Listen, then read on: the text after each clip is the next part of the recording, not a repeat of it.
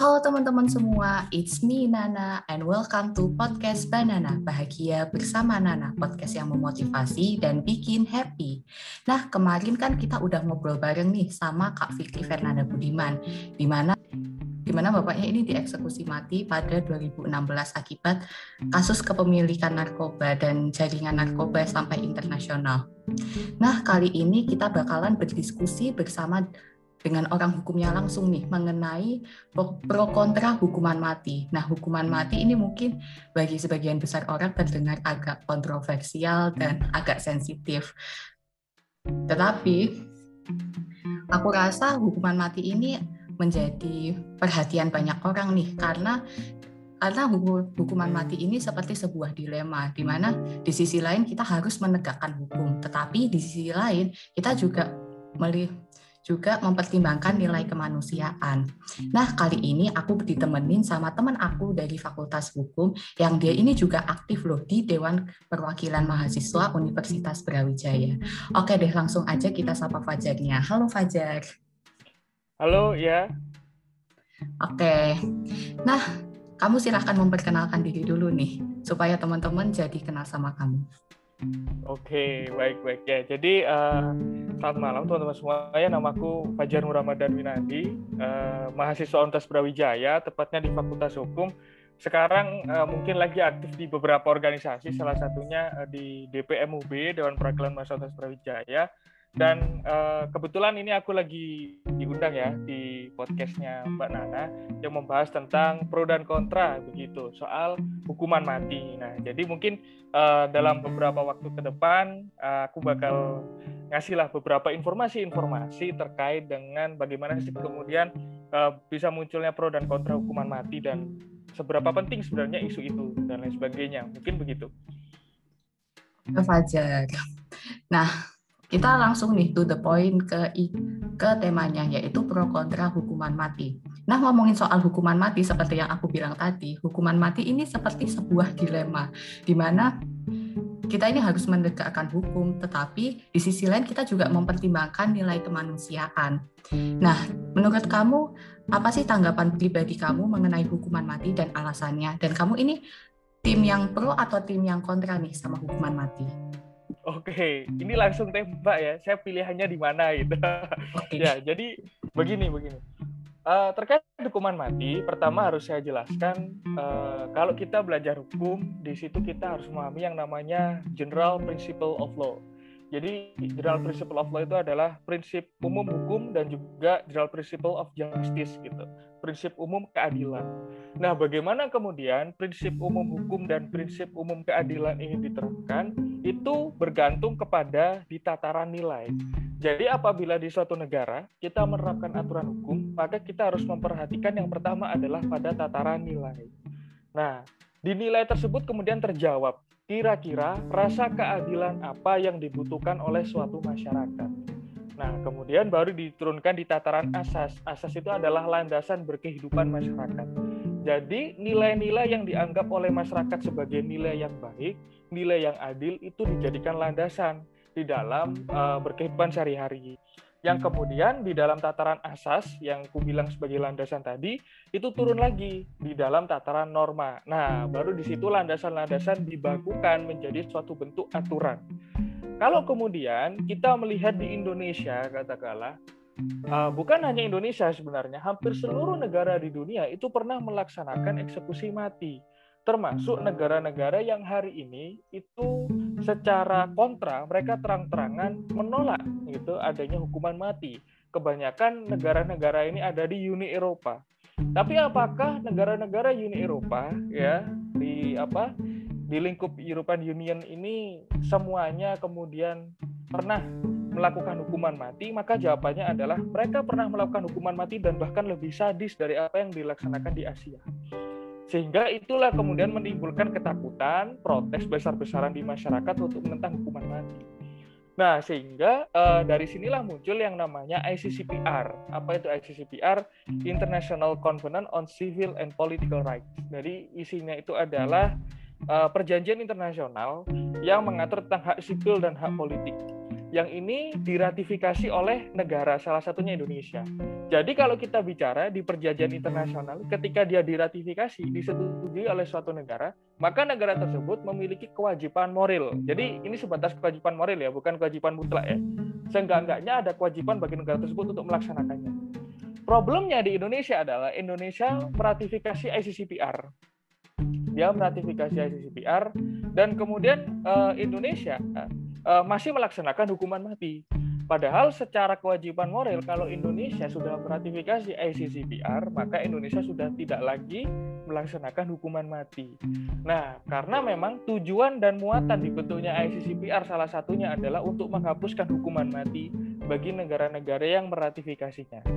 Nah, kemudian muncul, kenapa kok Indonesia itu bisa memiliki keputusan demikian? Dari mana munculnya keputusan ini? Keputusan ini kemudian, uh, kalau dilihat secara kronologis, itu sebenarnya dari beberapa elemen masyarakat yang menginginkan hukuman mati ini tetap ada.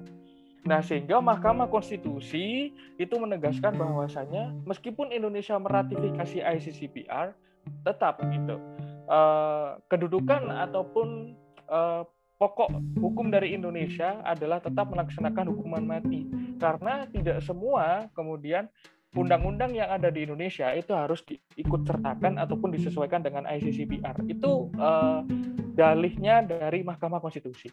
Sehingga itulah kemudian hukuman mati itu masih dilaksanakan di Indonesia sejak 1964 yang diatur di Undang-Undang Nomor 2 PNPS 1964 itu tentang tata cara eksekusi mati hingga saat ini kalau aku pribadi ya, ini the, to the point dari yang tadi ku sampaikan, aku pribadi kemudian uh, menganggap hukuman mati ini perlu apa enggak sih dan sebenarnya ini pro atau kontra sih gitu.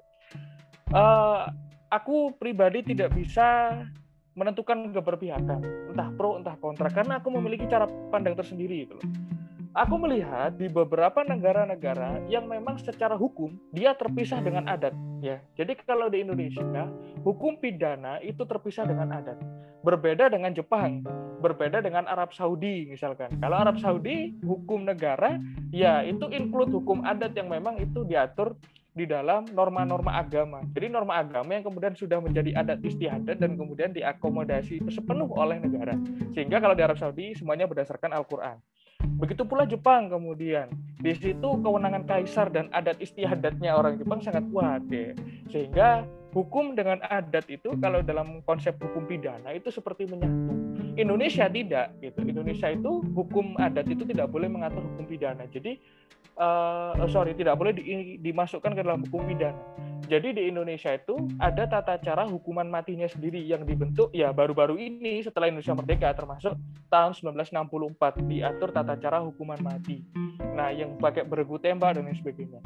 Di mana eh, pasal-pasalnya ini tentu berpedoman kepada aturan-aturan hukum ala barat karena memang eh, mohon maaf Indonesia adalah jajahan barat dia kemudian menganut asas konkordansi dulunya waktu dijajah Belanda. Jadi apa yang ada di Belanda eh, dari Prancis dulu apa yang ada di Prancis diterapkan di Belanda dan apa di Belanda diterapkan di Indonesia.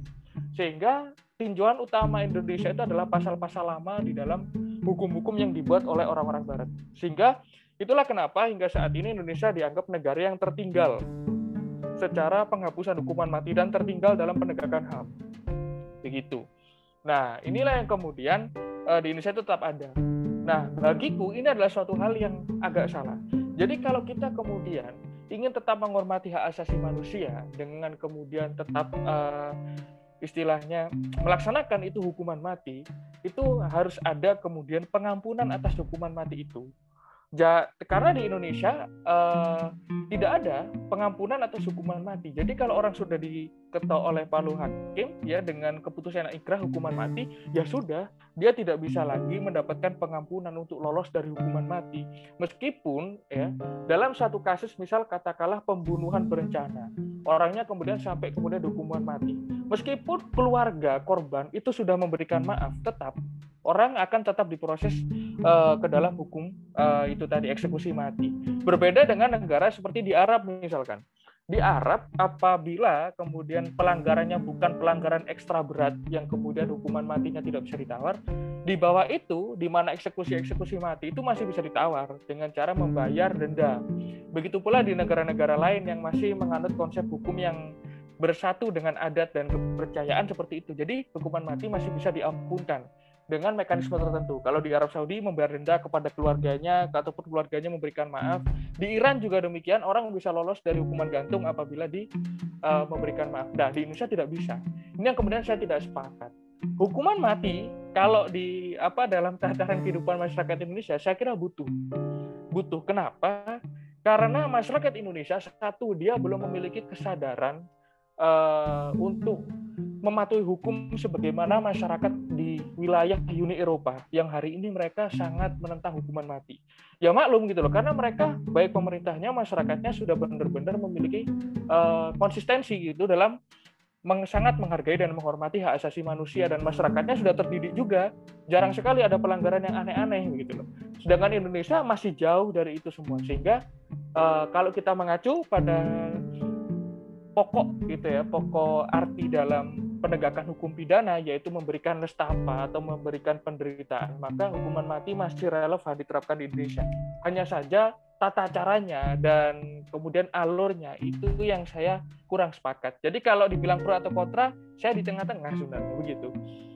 Hmm, tapi kalau aku boleh ngasih pendapat yang berbeda ya, ini jujur-jujuran aja sih, Jack aku ini tim yang aku tim yang kontra. Kenapa? Karena karena dalam agama yang berhak mengambil nyawa seseorang itu kan hanya Allah saja nih. Tetapi ya seperti seperti apa kata apa kata kamu tadi bahwa terkadang hukuman mati itu penting dilakukan karena karena ya itu tadi untuk untuk memu, untuk memunculkan kesadaran dalam menegakkan hukum dan HAM. Menurut kamu gimana sih Fajar? Jadi begini, kenapa kok kemudian ini pendapatku yang memang agak berbeda dan aku sering crash juga sama teman-temanku soal. Uh, pendapat umum itu adalah kita mencegah hukuman mati uh, untuk menghargai HAM seseorang. Tapi bagi saya tidak. Kita melaksanakan hukuman mati untuk memberikan jaminan atau kelangsungan bagi HAM seseorang. Itu yang apa saya anggap uh, benar hingga saat ini jadi dengan melaksanakan hukuman mati bukan berarti kita sudah mencederai HAM. It's okay memang secara harfiah dan secara kelihatannya di situ kita dengan paksa mencabut nyawa orang. Kan begitu. Tapi tidak seperti itu sebenarnya. Dengan kita mencabut nyawa orang, satu, kita menghilangkan orang itu dari penderitaan, dari kemudian eh, hal-hal sosial ya tekanan-tekanan yang muncul dalam kehidupan dia dalam bersosialisasi dan bermasyarakat dia yang kemudian berpotensi merenggut hak-haknya di bidang lain. Seperti contoh hak mendapatkan pekerjaan, hak untuk melanjutkan keturunan, hak dan lain sebagainya yang mana memang eh, ketika seseorang dalam konteks ataupun kategori setelah melakukan pelanggaran pidana berat termasuk kemudian di luar pelanggaran pidana berat itu bisa makar, bisa kudeta. Misal contoh itu eh, orang-orang yang kemudian dituduh tidak berselingkungan dengan rezim Orde Baru di zaman pasca G30S itu banyak sebenarnya dari mereka lebih banyak mereka memilih untuk mati gitu loh. Daripada mereka hidup tapi kemudian tidak mendapatkan pekerjaan dan lain sebagainya. Itu yang pertama. Kedua dengan kemudian melaksanakannya hukuman mati itu bisa berpotensi uh, memutus gitu ataupun memberantas pelaku kejahatan. Jadi memang tidak memberantas kejahatannya tapi memberantas pelakunya. Ini pernah diterapkan oleh Amerika di apa beberapa kasus-kasus yang berhubungan dengan bahaya terhadap negara itu diterapkan seperti ini. Jadi bukan hanya kemudian memberantas gerakannya, tapi dengan memberantas gerakan juga untuk memberantas orang-orangnya sehingga harus dieksekusi mati dan banyak uh, terjadi di Timur Tengah memang.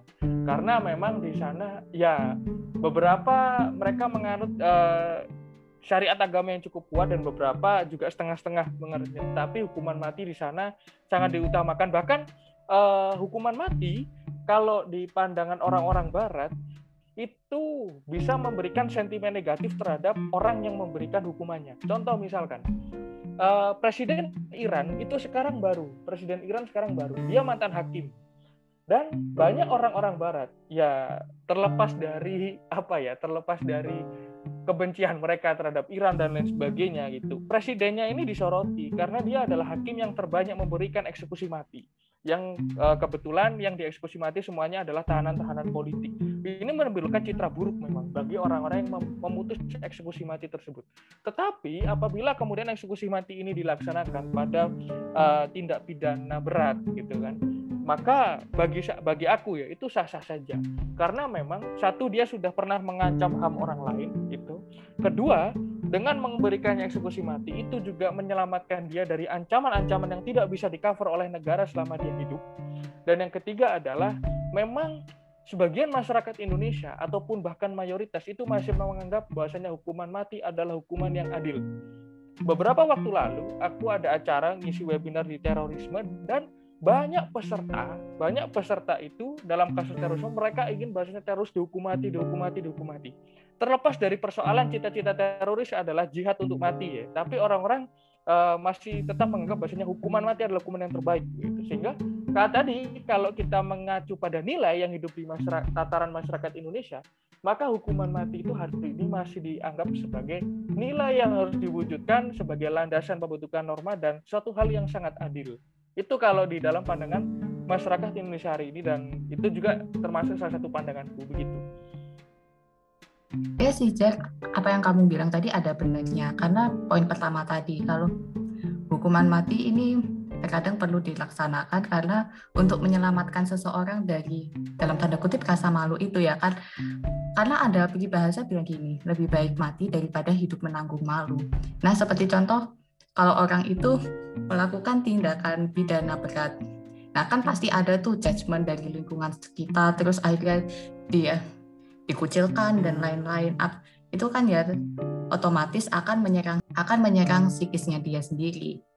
Dan dan ya sih, aku setuju juga sama kamu yang hukuman mati ini untuk memberantas pelakunya, bukan bukan kejahatannya sendiri. Ya. Uh, jadi memang uh, kalau dengan ini mungkin salah satu hal yang ini ya apa kontradiksi juga ya.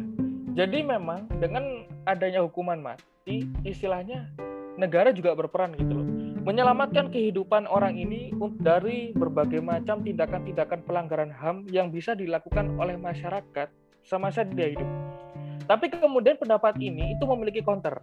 Dia dilawan nih dilawan dengan beberapa case di mana misal nih teroris dia sudah terpidana mati. Tapi namanya tetap dicemooh dan tetap jelek di masyarakat. Ini yang kemudian hari ini pro kontra itu nggak bisa selesai. Contoh misalkan uh, teroris yang sangat diburu gitu dan kebetulan dia ketemunya di Malang gitu di warteg lagi. Di apa daerah Songgoriti itu si dokter Azari itu. Dokter Azari itu teroris yang sangat diburu dan dia di Tenggarai terlibat dalam bom Bali dan kemudian juga terlibat dalam beberapa jaringan uh, apa Islam radikal itu di beberapa negara dan memang orangnya orang base camp Indonesia banget gitu. Nah dia sangat diburu, kemudian ditembak mati di tempat begitu dan kemudian hingga hari ini ketika orang membahas terorisme maka nama-nama seperti Dr. Azhari dan lain sebagainya itu masih dicemooh. Padahal kalau kita lihat ya uh, secara rasional aja dia sudah menerima akibat dari apa yang dia lakukan. Di hukuman mati dengan harapan bahwasanya eh, pencabutan nyawa orang ini gitu dalam tanda kutip misalnya aku mencontohkan dokter Azari itu sudah bisa membayar kesalahan orang itu atas selama eh, ini apa yang dia dilakukannya namun uh, ternyata tidak gitu loh. Setelah dia mendapatkan hukuman mati, setelah mendapatkan balasan yang dikira cukup setimpal, masih ada pelanggaran hak asasi manusia meskipun dia meninggal gitu. Kan itu kan juga merupakan suatu hal yang apa uh, menjadi tantangan hari ini. Kenapa kok hukuman mati itu masih banyak um, masyarakat atau teman-teman kontra itu karena itu tadi faktanya hukuman mati tidak menjamin seseorang itu bisa lolos ataupun namanya tiba-tiba jadi mulia gitu enggak tetap namanya akan jelek begitu. Hmm, ya sih Fajar. Tapi tapi Fajar, aku kasih tahu nih fakta yang cukup ironik. Jadi jadi kebetulan narasumber yang episode sebelumnya itu kan Kak Fikri Fernanda Budiman, di mana bapaknya ini dieksekusi mati karena kasus kepemilikan narkoba. Tapi nih ironisnya, sampai walaupun Pak Fredinya sudah dihukum mati, tetapi narkoba itu masih eksis sampai sekarang. Sebuah fakta yang cukup ironik gitu loh, Jack. Menurut kamu gimana? Ya, Jadi begini, ada kemudian pemisahan hal ya, hukumnya antara kemudian penyelidikan dan penindakan. Kalau kita bilang uh, seseorang dihukum mati karena dia melakukan satu kesalahan itu adalah bagian dari penindakan hukum. Karena berarti seseorang tersebut harus ditindak dan membayar apa kesalahannya. Namun, penindakan hukum ini tidak semata-mata berkesinambungan dengan upaya penyelidikan. Jadi meskipun orang sudah ditindak, ya dalam uh, tataran penyelidikan uh, itu tidak bisa dikaitkan begitu. Karena kalau kita membicarakan katakanlah narko narkotika, Pak Freddy Budiman sudah dihukum mati, tapi bukan berarti dengan dihukum matinya Pak Freddy Budiman narkoba begitu pula lenyap, tidak. Karena soal melenyapkan narkoba itu bukan hanya soal hukuman matinya, tetapi juga bagaimana aparat negara beserta dengan kelengkapan ataupun instrumen-instrumennya itu melakukan ya upaya-upaya untuk memutus rantai itu hingga ke akar-akarnya. Dan ini kemudian menimbulkan uh, pertentangan lagi gitu loh di dalam uh, kalau di tema kita pro dan kontra hukuman mati. Orang pro katakanlah untuk istilahnya memberikan efek jerah terhadap para pengedar dan bandar narkotika. Tapi problematikanya adalah setelah orang itu mau dibunuh, setelah orang itu mau dibunuh begitu, uh, tidak semua uh, pelaku narkotika itu kemudian mau uh, berbicara ataupun mau memberikan keterangan yang dapat memberikan petunjuk kepada Polri untuk mengusut kasus tuntas uh, peredaran narkotika. Salah satu uh, yang cukup dramatis itu adalah WNA asal Filipina. Namanya, sorry aku namanya agak lupa. Di WNA nah, itu namanya Bu Maggie Jane Filoso. Nah itu. Dia kan HP hukum mati nggak jadi ya? Karena begini, itu merupakan satu hal yang sangat dramatis. Amin jam orang mau dihukum mati dan kemudian ternyata uh, bosnya telepon bahwasanya pelakunya adalah uh, belum tertangkap begitu. Pelakunya ada di Filipina dan dia hanya seorang pengedar. Loh, ini loh merupakan satu hal yang sangat apa istilahnya uh, fungsi dari hukuman mati itu ada gitu bahasanya hukuman mati tidak hanya kemudian memberikan rasa keadilan di mata masyarakat, tetapi juga bisa dijadikan trik begitu. Istilahnya untuk uh, mengungkap suatu kejahatan itu hingga ke akarnya. Namun perlu diklarifikasi bahwasanya kejadian itu bukan kejadian yang by design. Itu sebenarnya hanya kebetulan saja. Jadi bahkan uh, putusan hakim itu lo sudah inkrah kalau dia mau dihukum mati. Gitu. Seandainya kemudian uh, si bandarnya ini kemudian nggak telepon, kemudian dia tidak menyerahkan diri ke kepolisian, maka sudah pasti uh, orang itu tadi sudah dihukum mati. Nah inilah yang kemudian uh, suatu celah-celah ataupun trik-trik gitu dari hukuman mati yang sebenarnya bisa dimanfaatkan. Namun kembali lagi kalau kita lihat di mekanisme peradilan di Indonesia, hukuman mati bisa di apa istilahnya diberikan oleh keputusan pengadilan. Dan keputusan pengadilan bukan bagian dari jebakan atau trik apa pun karena itu adalah satu hal yang sakral. Jadi kalau orang udah dihukum mati ya sudah gitu, nggak bisa kemudian itu dijadikan alat kemudian untuk prank kemudian dicabut dan lain sebagainya tidak bisa karena itu adalah suatu keputusan yang sakral. Ini yang kemudian uh, menghilangi begitu kan fungsi hukuman mati di Indonesia. Sehingga kalau kita bilang hari ini fungsi hukuman mati Indonesia apa sih? Ya hanya sebagai apa istilahnya pemenuhan gitu uh, kepuasan masyarakat yang menginginkan keadilan. Saya kira itu. Hmm, benar juga sih Fajar. Ternyata hukuman mati itu ya ada fungsi keadilannya di mana di mana ternyata, ternyata seperti kasusnya Bu Maggie Jane tadi ada ternyata bukan bukan dia gitu loh bandarnya dia hanyalah pengedar saja tetapi tetapi kan pada akhirnya pada akhirnya keadilan tetap tetap ada gitu loh Bu. Bu Mary yeah. Jane Bu Mary Jane akhirnya tidak jadi dieksekusi mati karena bandarnya ini ternyata, ternyata menyerahkan diri ya. Aku agak lupa lupa yeah. ingat. Oke. Okay. Nah selanjutnya Fajar, apa itu apa dasarnya hukumnya hukuman mati? Uh, kalau tadi kita kan bicara nilai ya tentang general principle of justice, general principle of law gitu. Kemudian uh, di tataran internasional ada ICCPR yang melarang hukuman mati. Nah, kemudian kalau di konteks norma hukum di Indonesia apa kemudian dasar penentuan apa suatu undang-undang bisa apa mencakup di dalamnya hukuman mati? Jadi begini, uh, di dalam hukum uh, kita yang berhak me, apa istilahnya merancang undang-undang itu kan legislasi. Di dalam hal ini adalah DPR. Dan di dalam situ kemudian terjadi perdebatan-perdebatan tentang materi muatan undang-undang yang mana ada beberapa kejahatan yang dapat digolongkan begitu harus di apa di dalamnya dimasukkan pasal hukuman mati. Salah satunya uh, dasar pelaksanaannya kalau uh, tentang pelaksanaan tata cara hukuman mati ada di Undang-Undang Nomor 2 PNPS 1964. Itu tentang tentang tata cara hukuman matinya. Tapi berkenaan uh, aspek apa saja yang kemudian dapat dikenai hukuman mati? Pertama, Undang-Undang Nomor 39 tahun 2009 tentang narkotika. Nah, uh, di sini kemudian dimasukkan pasal tentang hukuman mati.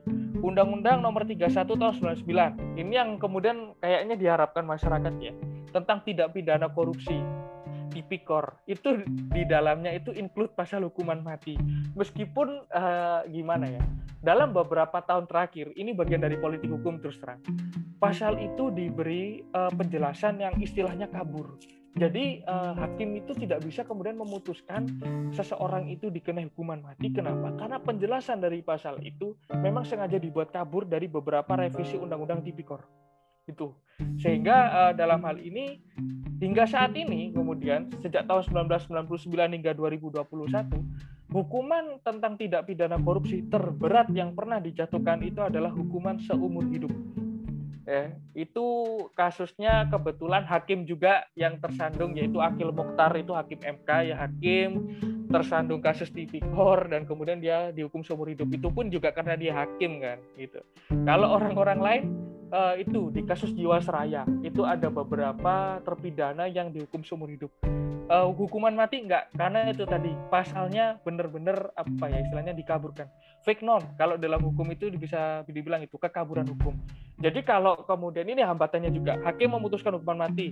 Terus Kemudian karena uh, penjelasannya ambigu, pasalnya juga agak ambigu. Jadi kemudian kalau kemudian uh, ini uh, diajukan di tingkat banding, uh, kemudian kasasi dan lain sebagainya, hingga di beberapa upaya hukum bisa jadi uh, hukuman mati ini kemudian bisa jadi dibatalkan gitu. sehingga jarang sekali ada hakim bahkan nggak pernah untuk kasus tipikor itu ada hukuman mati.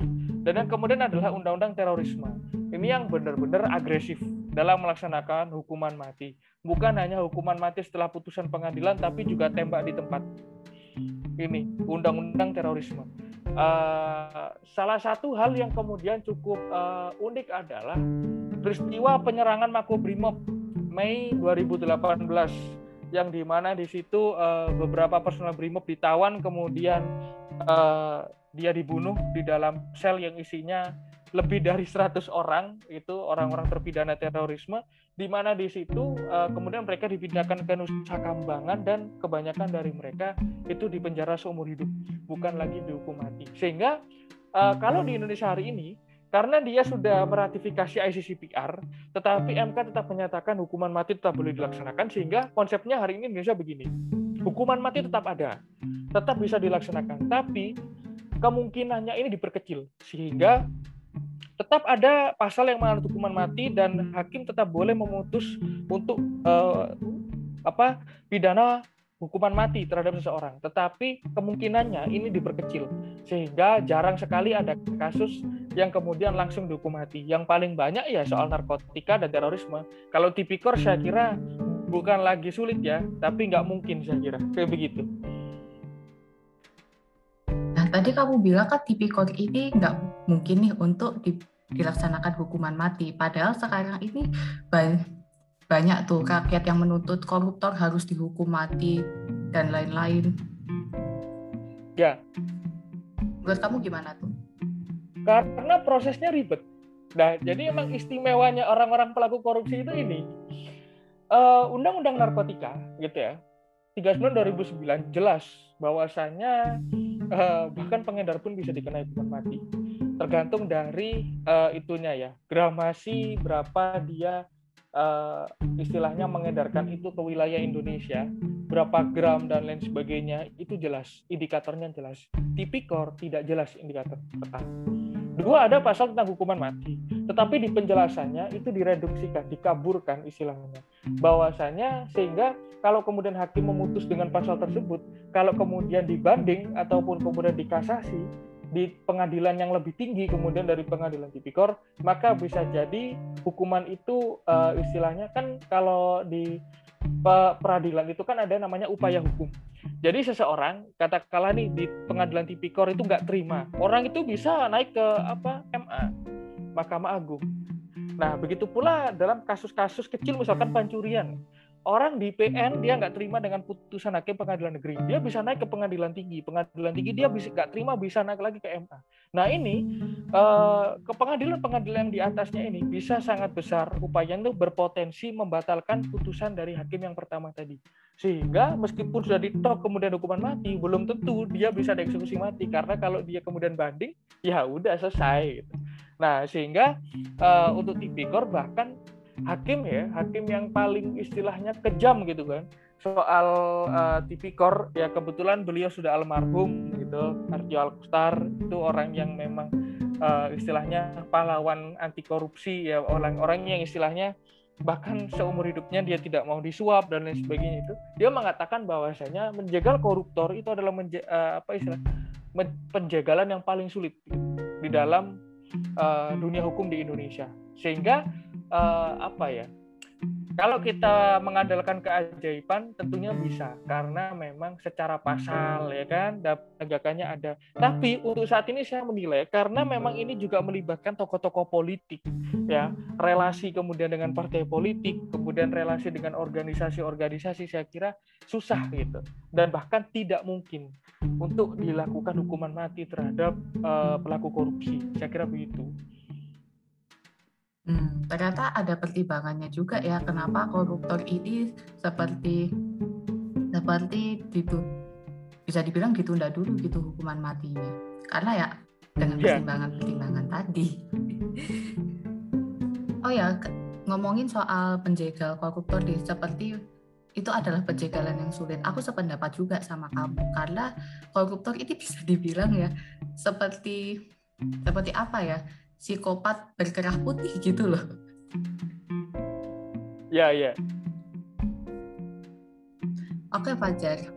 Nah, pertanyaan selanjutnya, apa tujuan hukuman mati bagi masyarakat luas? Karena tujuan hukuman mati kan nggak cuma untuk pelakunya sendiri, tetapi juga untuk masyarakat luas. Ya, jadi uh, kalau ini Indonesia sangat mencontoh negara-negara Barat di era lama misal uh, pasca revolusi Prancis begitu, kemudian pasca revolusi Amerika, apa fungsi tujuan hukuman mati dan bagaimana Belanda menerapkan hukuman mati di Indonesia. Hari ini hukuman mati dilaksanakan secara humanis, terus terang. Meskipun banyak orang melanggar HAM, tapi saya kira masih humanis. Satu, prosesnya tertutup.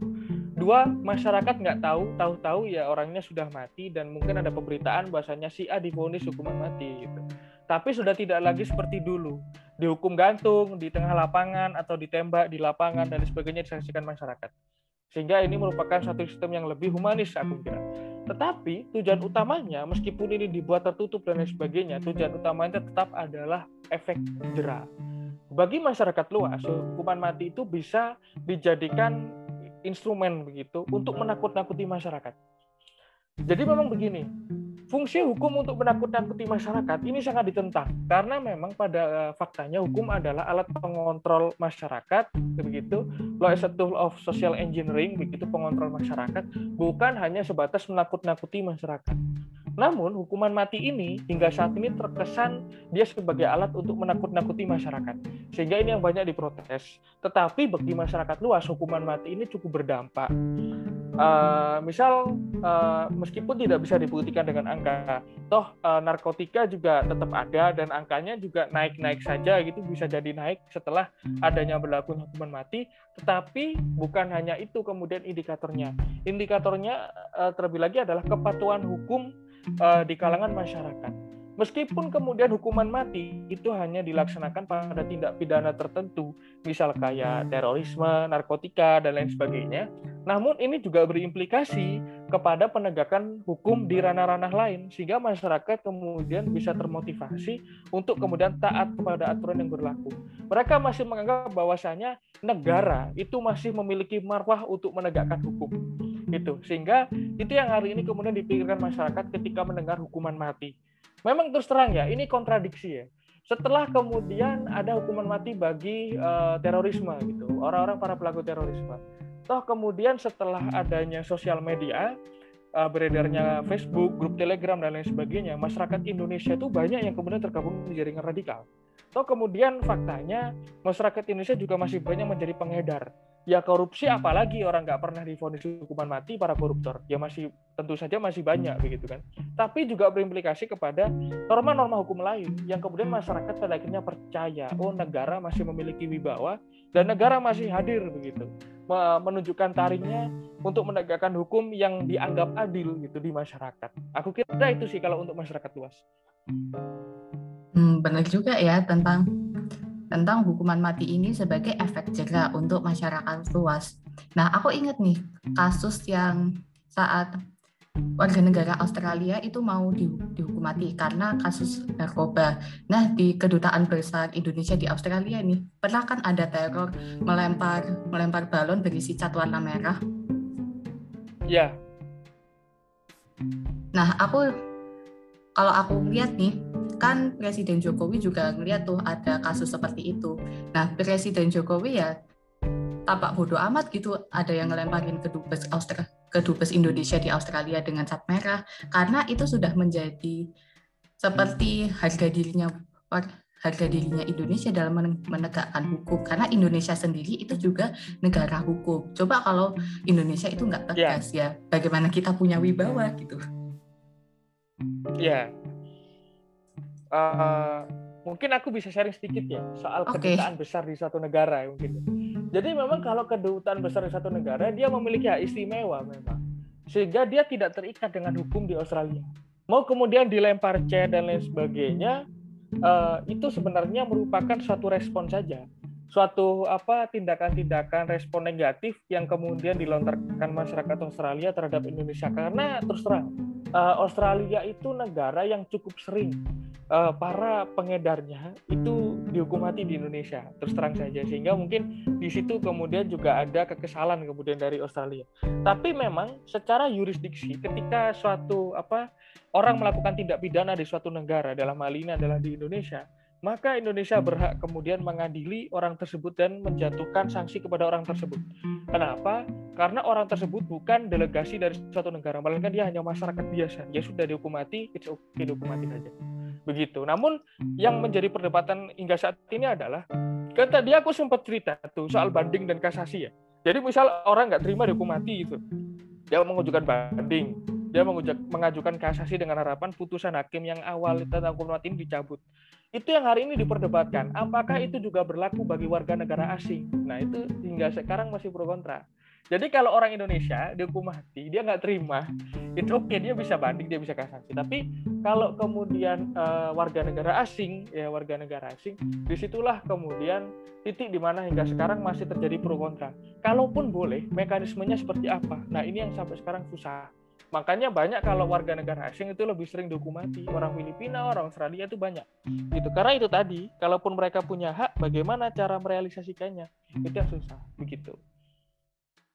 Iya sih, karena status mereka kan bukan warga negara Indonesia. Mereka itu bisa dibilang seperti warga negara asing yang sedang berkunjung gitu ke Indonesia. Makanya ya mau mau tidak mau mereka harus menaati hukum yang ada gitu. Karena kan bagi bahasa mengatakan di di mana bumi dipijak, di situlah lagi dijunjung. Iya. Yeah. Nah, aku mau aku mau denger nih cerita-cerita hukuman mati di negara lain. Coba deh kamu nge-spill ceritanya gimana? Uh, kalau negara lain tentang hukuman mati, eh, sebenarnya yang hukuman mati paling efektif itu Cina.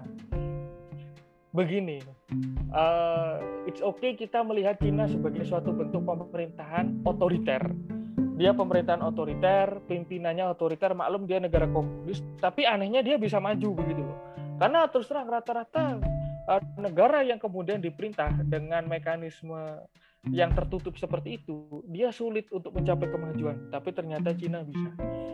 Salah satunya yang pernah menjadi kasus besar di Cina itu adalah korupsi yang dilakukan oleh aparat. Nah, ini yang kemudian jadi persoalan. Dan aparat ini adalah aparat penegak hukum di Cina. Sehingga kemudian muncul uh, korupsi dihukum mati. Berapapun nilainya. Hukuman matinya pun juga nggak pakai pistol, begitu pakai regu tembak yang makan biaya nggak. Seketika kemudian pengadilan uh, memfonis dia dihukum mati, dia bisa disuntik mati keesokan harinya atau pada saat itu juga dia disuntik mati begitu istilahnya. Nah sehingga ini merupakan satu bentuk penerapan hukuman mati yang efektif. Terus terang, meskipun angka korupsi di Cina hingga sekarang eh, nggak uh, bisa dikatakan rendah ya, karena tetap tinggi. Tetapi seenggaknya ada penurunan yang signifikan dari uh, sebelum dilaksanakannya hukuman mati. Ini bagi koruptor. Nah, ini yang kemudian diidam-idamkan masyarakat Indonesia. Kenapa Indonesia tidak melakukan hal yang demikian? Karena meskipun dikatakan hukuman mati itu melanggar HAM, hukuman mati itu tidak menyelesaikan masalah dan lain sebagainya, ternyata ini cukup membuat efek jerah begitu loh bagi para aparat ataupun para pejabat daerah yang melakukan korupsi dan secara terang-terangan dia dihukum mati. Itu terjadi di Cina sangat efektif dan eh, menurutku juga efisien begitu. Karena memang uh, penduduknya banyak begitu. Jadi mungkin pemerintah juga mencari cara untuk menguranginya salah satunya dengan itu. Orang yang korupsi dihukum mati. Uh, agak kejam sih memang kedengarannya. Tapi memang itulah realita pemerintahan di Cina. Kita tahu dia otoriter. Uh, kemudian Arab Saudi misal. Ini apa ya uh, aku kira masyarakat Indonesia cukup gede nih kalau dengar hukuman mati di Arab Saudi karena banyak juga dari kita korbannya. Mulai dari kasus 2012 hingga saat ini itu banyak orang dihukum mati. Terakhir yang sempat uh, booming adalah 2018 karena pemerintah Arab Saudi tidak mengkonfirmasi kalau warga negara Indonesia akan dipenggal waktu tahun 2018 waktu itu sekitar bulan Oktoberan itu waktu itu cepat gaduh juga KBRI di Arab Saudi karena memang hukuman matinya adalah hukuman mati yang memang inkrah gitu ya. Yang tidak bisa dibayar dengan denda dam atau diat begitu. Sehingga uh, ini juga menimbulkan kekecewaan lah bagi beberapa negara.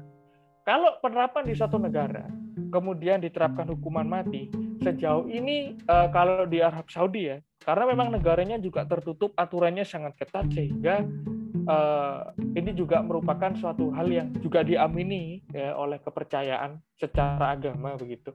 Sehingga bisa dibilang efektif ya efektif. Karena memang hampir seluruh hukuman di Arab Saudi itu uh, orientasinya adalah hukuman secara fisik. Potong tangan, rajam, kemudian penggal dan lain sebagainya itu. Sehingga kalau bilang efektif ya cukup efektif meskipun ya meskipun angka kriminalitas itu tidak bisa ditekan dengan adanya hukuman mati.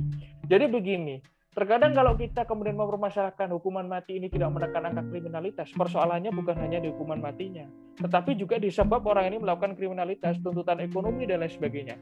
Jangan dikira bahwasanya di suatu negara kaya kriminalitas itu tidak ada Jat, uh, faktanya ada di negara-negara di Uni Emirat Arab, di Arab Saudi itu ada.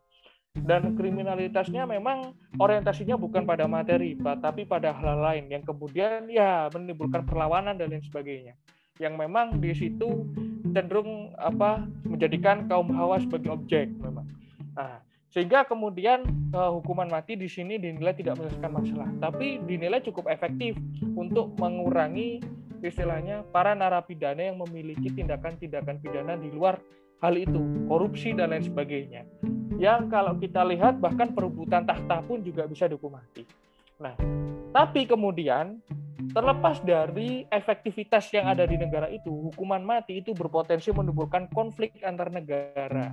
Itu pasti apabila uh, yang dihukum mati ini bukan warga negaranya sendiri tapi warga negara lain. Indonesia dengan Australia, Indonesia dengan Arab Saudi, Indonesia dengan negara mana pun itu sering karena adanya hukuman mati. Sehingga inilah kemudian orang-orang uh, kontra hukuman mati itu memiliki alasan lebih kuat karena memang apa ya it's okay bahasanya negara memiliki yurisdiksinya sendiri. Dia boleh menghukum orang yang melakukan tindak pidana di wilayahnya. Tapi dengan menghukum warga negara lain itu bisa menimbulkan eskalasi konflik yang bisa dipicu menjadi lebih besar begitu. Itu yang terjadi antara Cina dan India beberapa waktu lalu. Sehingga inilah kemudian yang jadi persoalan. Di Indonesia pernah itu uh, Usman Harun itu yang dia kalau di Singapura dia dianggap sebagai seorang bandit, kalau di negara kita dianggap sebagai seorang pahlawan. Nah, itu salah satu contoh ya. Konflik kecil yang bisa berimplikasi kepada ketegangan antar negara. Itu sih kalau hukuman mati di negara-negara lain. Hmm, aku pernah dengar nih cerita oh bukan cerita sih tapi ada aku kan kebetulan suka ini sih dengerin stand up comedy gitu ada sebuah komik yang menurut aku tuh sarkasme banget gitu loh sebuah kritik sosial di mana komikanya tuh bilang gini di Cina korup pelaku korupsi itu digantung pelakunya tetapi di Indonesia kasusnya korupsi itu yang digantung gimana tuh? Iya uh, fakta memang menunjukkan demikian ya. Uh, terbaru dah soal jaksa pinangki dia dikurangi gitu kan. Masa tahanannya dengan alasan dia adalah seorang ibu dan mengasuh anak.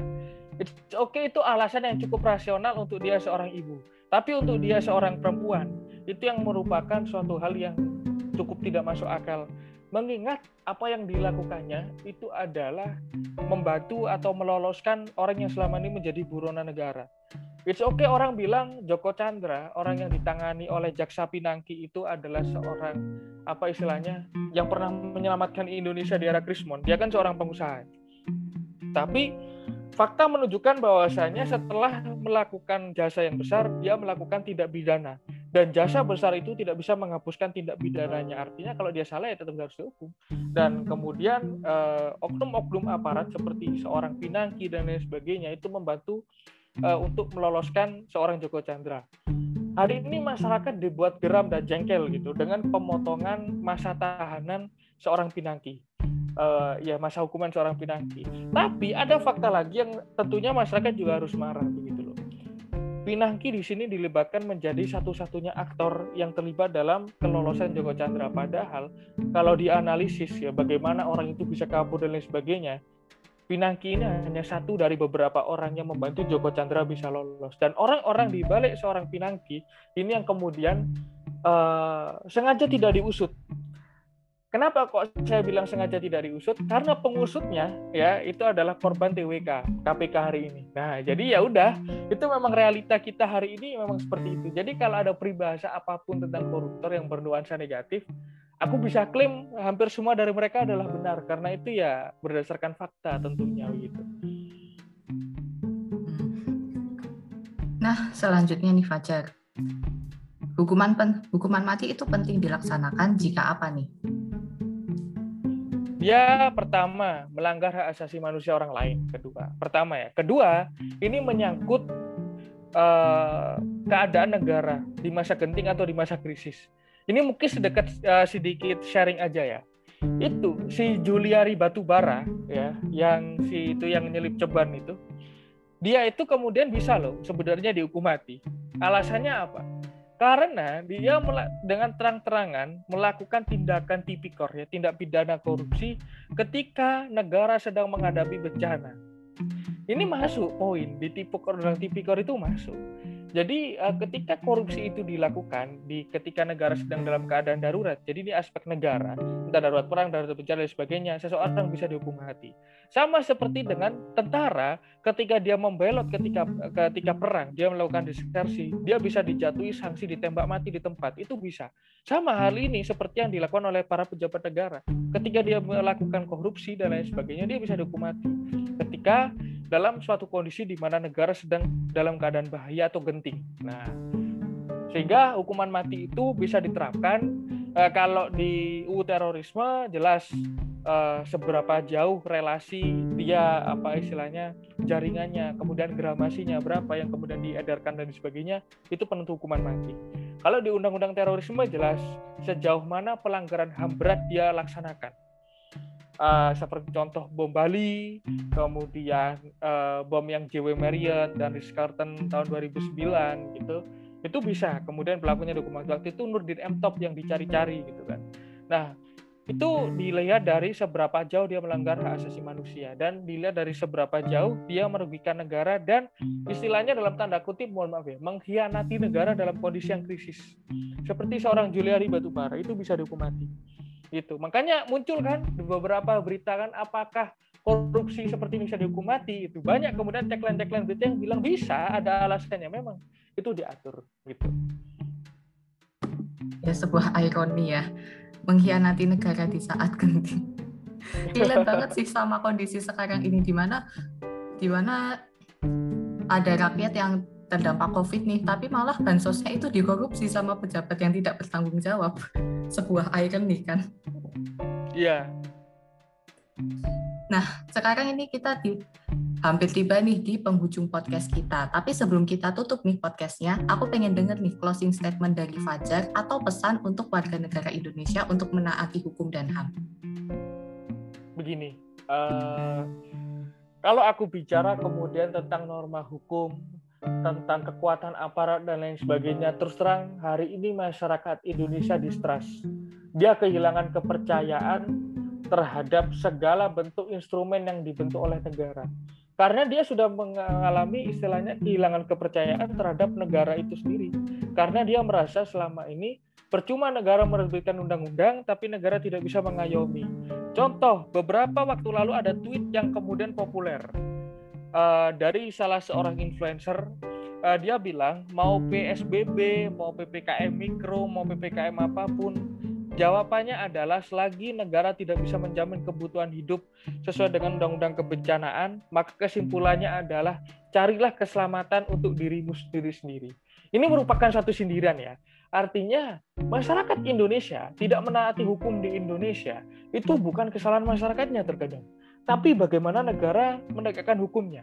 Jadi problemnya sebenarnya bukan hanya di masyarakat, tapi sejauh mana negara itu berwibawa dan dipercaya masyarakat. Contoh, masyarakat Indonesia kalau di luar negeri sudah pasti dia taat aturan. E, mayoritas demikian. Ya meskipun ada beberapa masyarakat yang melakukan tindak pidana di sana ya, seperti Reinhardt yang kemudian dia melaksanakan apa melakukan tindak pidana homoseksual gitu di Inggris dan sebagainya. Tapi ketika masyarakat Indonesia datang ke luar negeri, uh, apakah dia mau antri? Dia mau. Apakah dia kemudian ingin, mau menaiki transportasi umum? Tentu saja dia mau. Apakah dia mau membuang sampah pada tempatnya? Dia mau. Bedakan dengan orang-orang luar negeri yang datang ke Indonesia karena merasa tidak diikat dengan aturan negara, apakah di sini kita melihat uh, seorang bule turis itu membuang sampah pada tempat sampah? Saya kira uh, tidak semuanya. Banyak dari mereka yang mengikuti kebiasaan masyarakat Indonesia membuang sampah sembarangan, susah untuk antri dan lain sebagainya.